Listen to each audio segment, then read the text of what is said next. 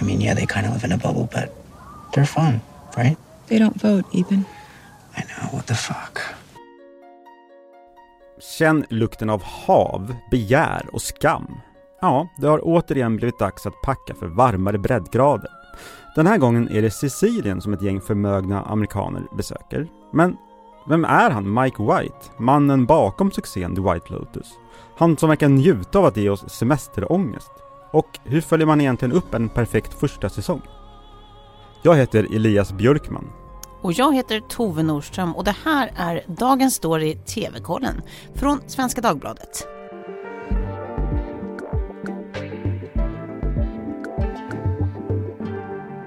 Har du varit på Sicilien Tove? Det har jag faktiskt, kul Ja. att du frågar. Har du, eh, känner du igen dig från The White Lotus? Nej, jag var där eh, eh, som 20-something-åring så att eh, eh, pengar fanns icke. Inte pengar, men miljöerna kanske? Miljöerna kan man känna igen något, ja absolut. Gjorde Det du- är ju väldigt vackert, rustikt, vackert. Det ser ju supervackert ut. Ja. Gjorde du Gudfadern, tåren? Eh, gjorde jag ej. Men, varför pratar vi om det här? Ja. Jo, för att The White Lotus är tillbaka på HBO Max. Mm. Det kom, går varje måndag. Mm. Så därför tänkte vi ju prata om det den här veckan. Det är klart, den här Ja. braksuccén som nu äntligen har återkommit och hur ska det gå undrar man ju.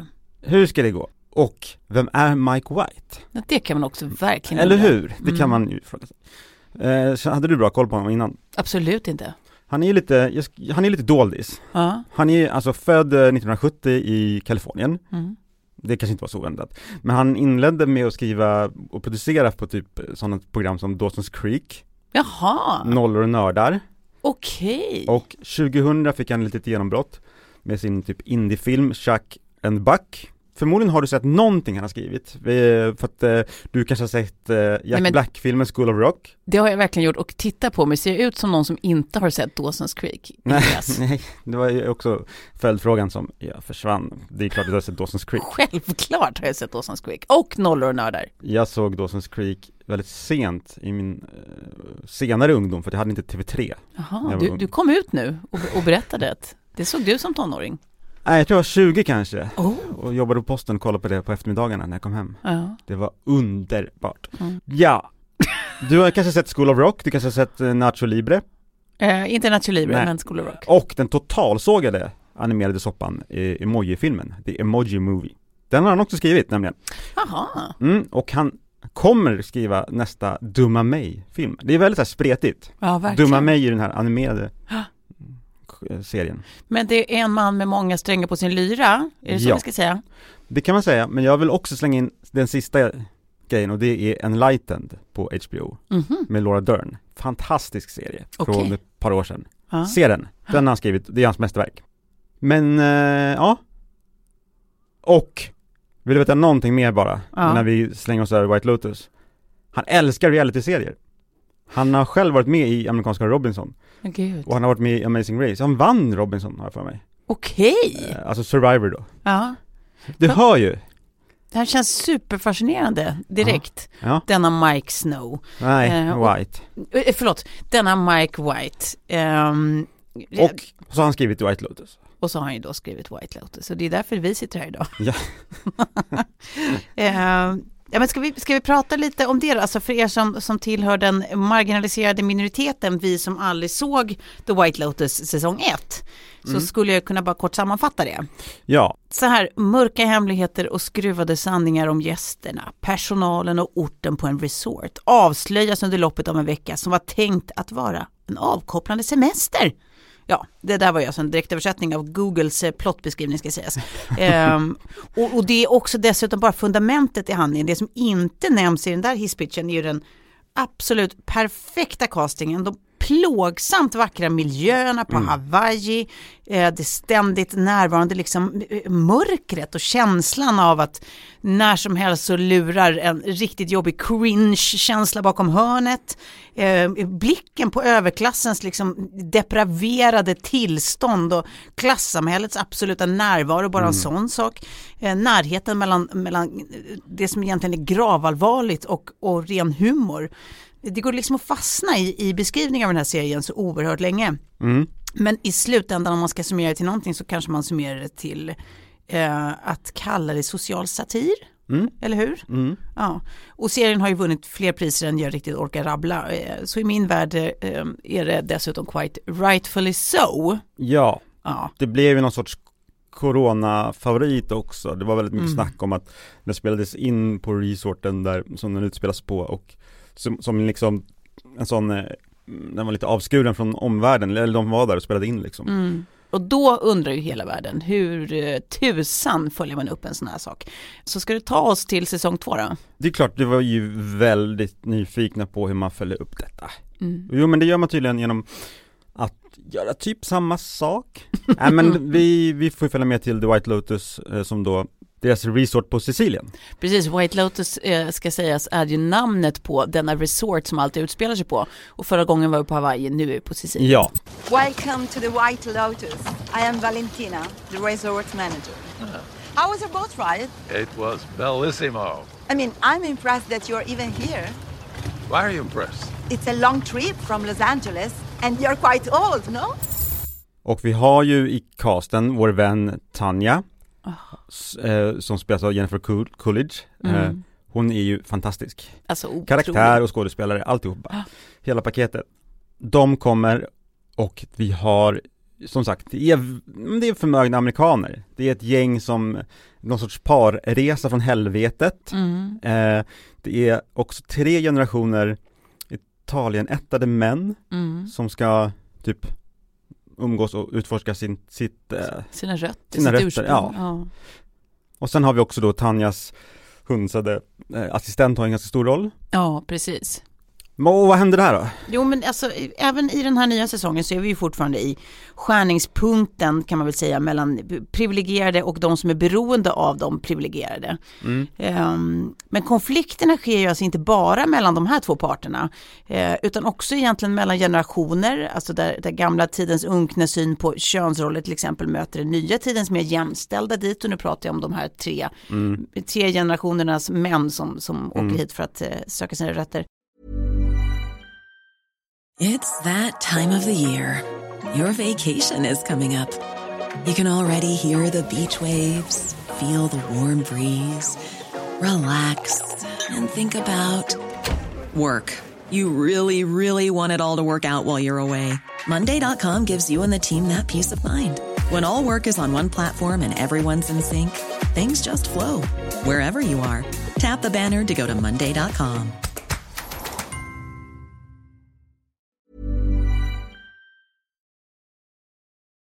Det är också eh, konflikter mellan olika sorters eliter, alltså det här, de här, eh, den här parresesällskapet då där det är liksom en slags CV-elit, alltså de har gått på eh, fantastiska skolor, det känns som de alltid haft pengar och nu jobbar med sådana här bankinguppdrag och sånt. Eh, och sen så då den här eh, intellektuella eliten som någonstans ser ner på CV-eliten. Så Just båda det. är ju elit och båda har pengar men Ja. den ena är lite finare än den andra, Tycker de själva. tycker de själva. They don't read the news. They don't read. It's like, what do they even talk about? Is that what happens when you're rich for too long? Your brain just atrophies? Och sen så är det ju också konflikter mellan könen, vem är liksom egentligen offer för vem? Eh, när alla deltar i liksom någon slags charad och eh, en serie manipulationer liksom som, som utgår från att man antingen är kvinna eller man i en, en relation. Eh, och sen är det ju också mellan nationaliteter, alltså dum, dumma amerikaner med sin imperialistiska semesterstil, typ. Och barska hotellchefer från Italien som inte är så, mm, Just det. så liksom trevliga som amerikanerna skulle vilja. Men det finns ju någonting i varje konflikt som känns eh, bekant och som känns Mm. på något sätt var, nära. Eh, och känslan man som tittare har i magen är ju alltså följaktligen, precis som i, i säsong ett, inte bara välbehag. Nej, Men får, man, får, får jag bara sticka in Ja. och säga att jag tycker att det som gör det syrvast är att Mike White aldrig skriver den på näsan. precis, men man ska sym- sympatisera med och liksom Mm. vända på perspektiven hela tiden. Precis. Jag tycker att det, jag tycker att det här är väldigt träffande och roligt med den här unga medvetna, medvetna mannen Mm. ehm, som har gått eh, på college och han är liksom marinerad, hjärntvättad tycker hans farfar i, liksom, i wokeness och korrekt, korrekt beteende. Precis. Det är nästan så att hela hans person blir här utraderad. Kanske eh, liksom nästan totalt avsexualiserad. Jag säger inte att man ska liksom uppföra sig som en liksom fördomsfull snuskgubbe som hans farfar kanske är, men Mm.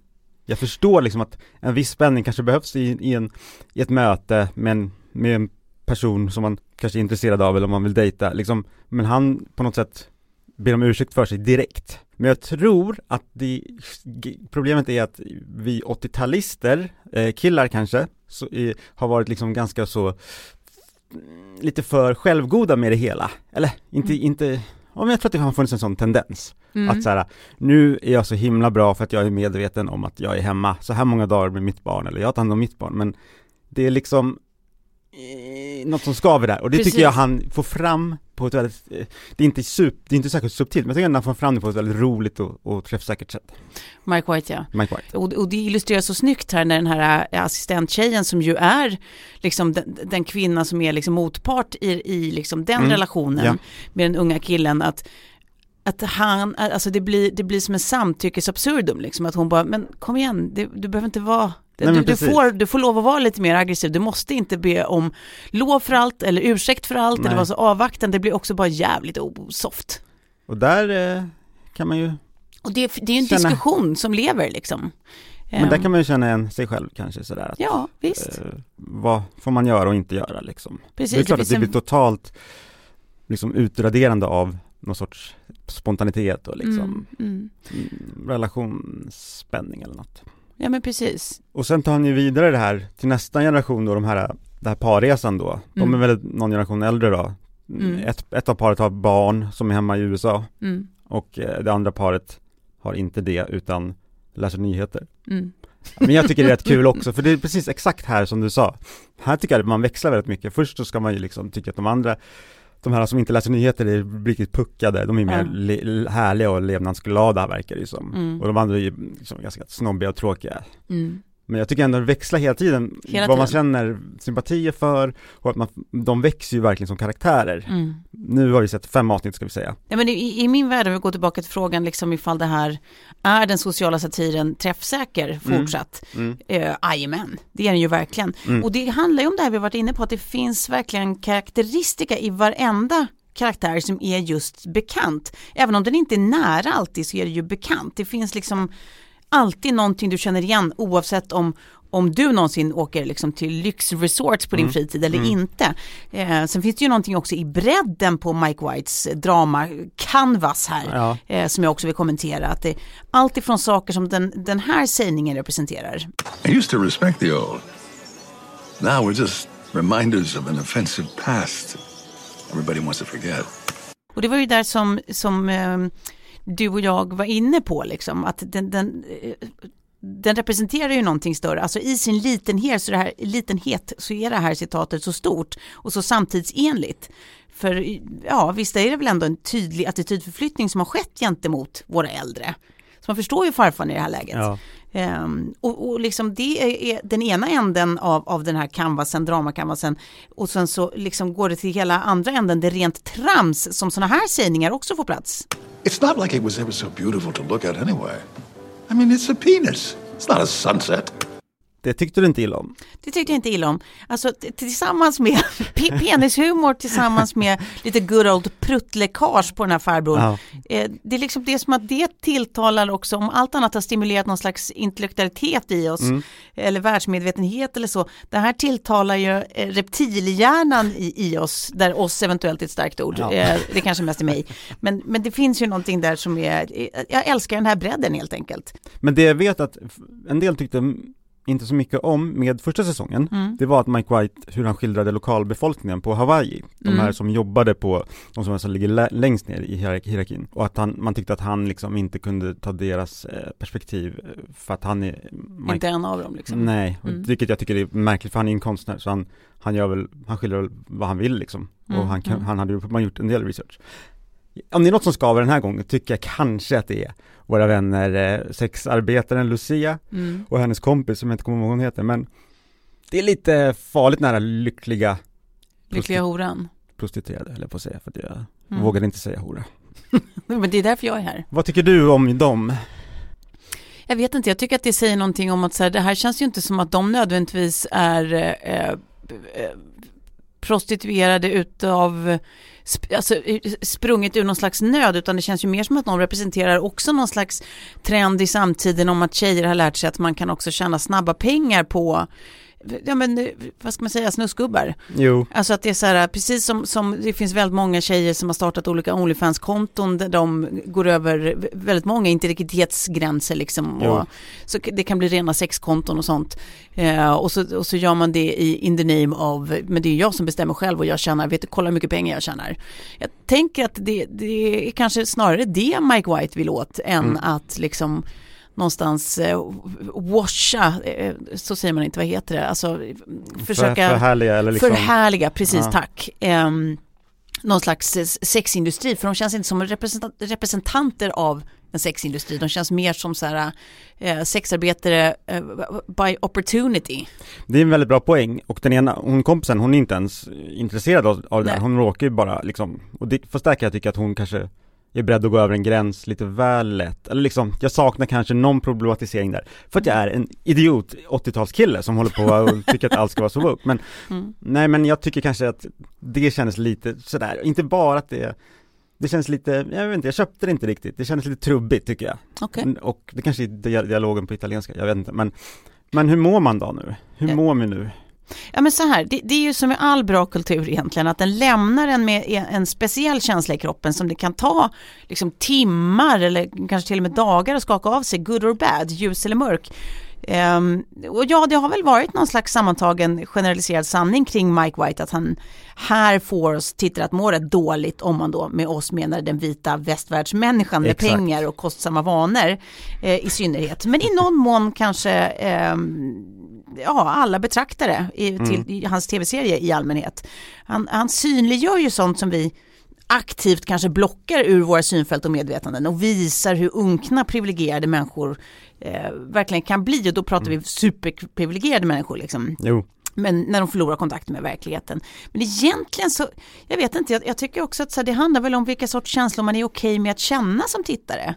Eh, att alls känna saker av fiktion kan ju också vara rätt härligt och, och kanske till och med välbehövligt. Liksom. Och det, det är inte det ljusa känsloregistret han spelar på den gode Mike, men det visar sig att det kanske inte heller måste vara det för att vara en upplevelse. Liksom. men vad, vad fint, vad välformulerad du är idag. Jag känner Men- mig helt, Gud, tack Elias! Jag känner mig helt trög. Vad heter det, det, det, jag känner mig träffad på ett uppiggande, liksom, Ja, friskt, så här, härligt, sprudlande sätt. ja, Jag, jag skulle bara vilja återkomma snabbt till det här med, det här med vem man identifierar sig du, Han leker med det här med identifikation, Mike White. mm. Alltså om man, om man vill så här, skriva ett manus och, och, få, och så känna oss, identifiera oss med någon, eller liksom Mm. att vi ska känna oss smarta, det tror jag är ganska lätt. Men Mm. det, han gör det inte lätt för sig eller oss. Jag tycker han liksom, eh, han låter oss tro som att vi vet, att vi, känner, att vi vet vilka de här personerna är, men det gör vi ju inte. Nej, Och det är det som jag tycker han gör så skickligt, som vi redan har sagt. Precis. Jag, jag, om vi ska svara på frågan om, om man, hur man följer upp en perfekt, perfekt säsong så gör man det så här, för den här är bättre än första. Ja, jag, jag vet att jag håller med dig. Vi är helt Det överens är där. så vackert. Ja, det är, så, det, det är så vackert, alltså inte serien nu utan att du och jag är överens. Jag vill inte ens, ja precis, Ja. jag vill inte ens gå in i binge eller blä för att För att det är jag vill fint. behålla den här känslan. Ja. Men det ska vi göra. ja, då är det dags. Binge eller blä, vårt favoritmoment. Där Ehm, vi ja. säger vad man ska bingea.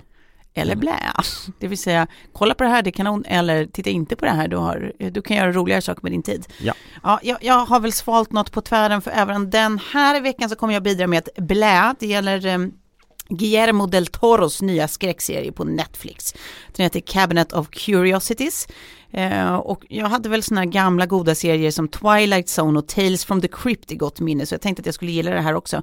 Ehm, och jag vet inte om det är bara att jag har blivit äldre eller om Guillermo som, ja, han bara inte har lyckats så väl, men bra är det inte. Synd. Det blär vi. Jag tycker inte heller att man ska se SVT-serien Försvunna människor som börjar på måndag.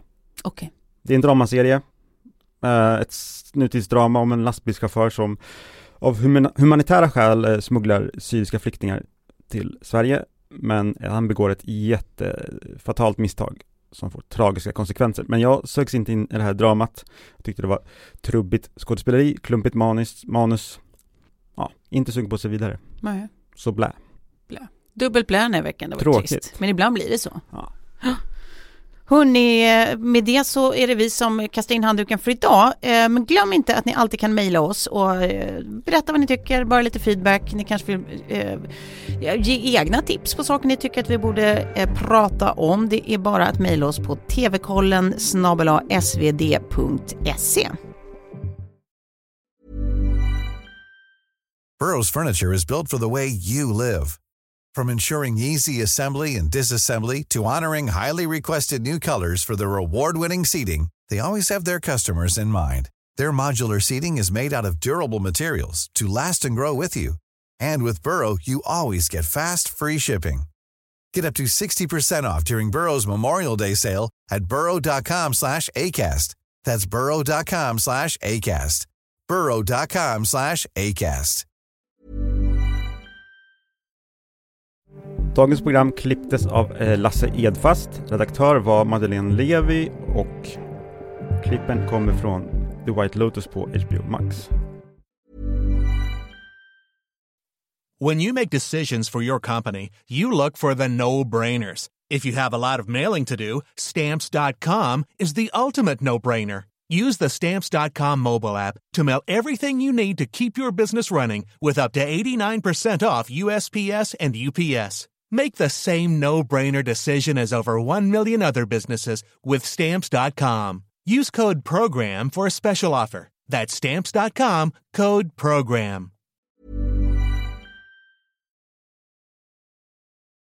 Ansvarig utgivare för Dagens Story, TV-kollen, är Anna Kareborg.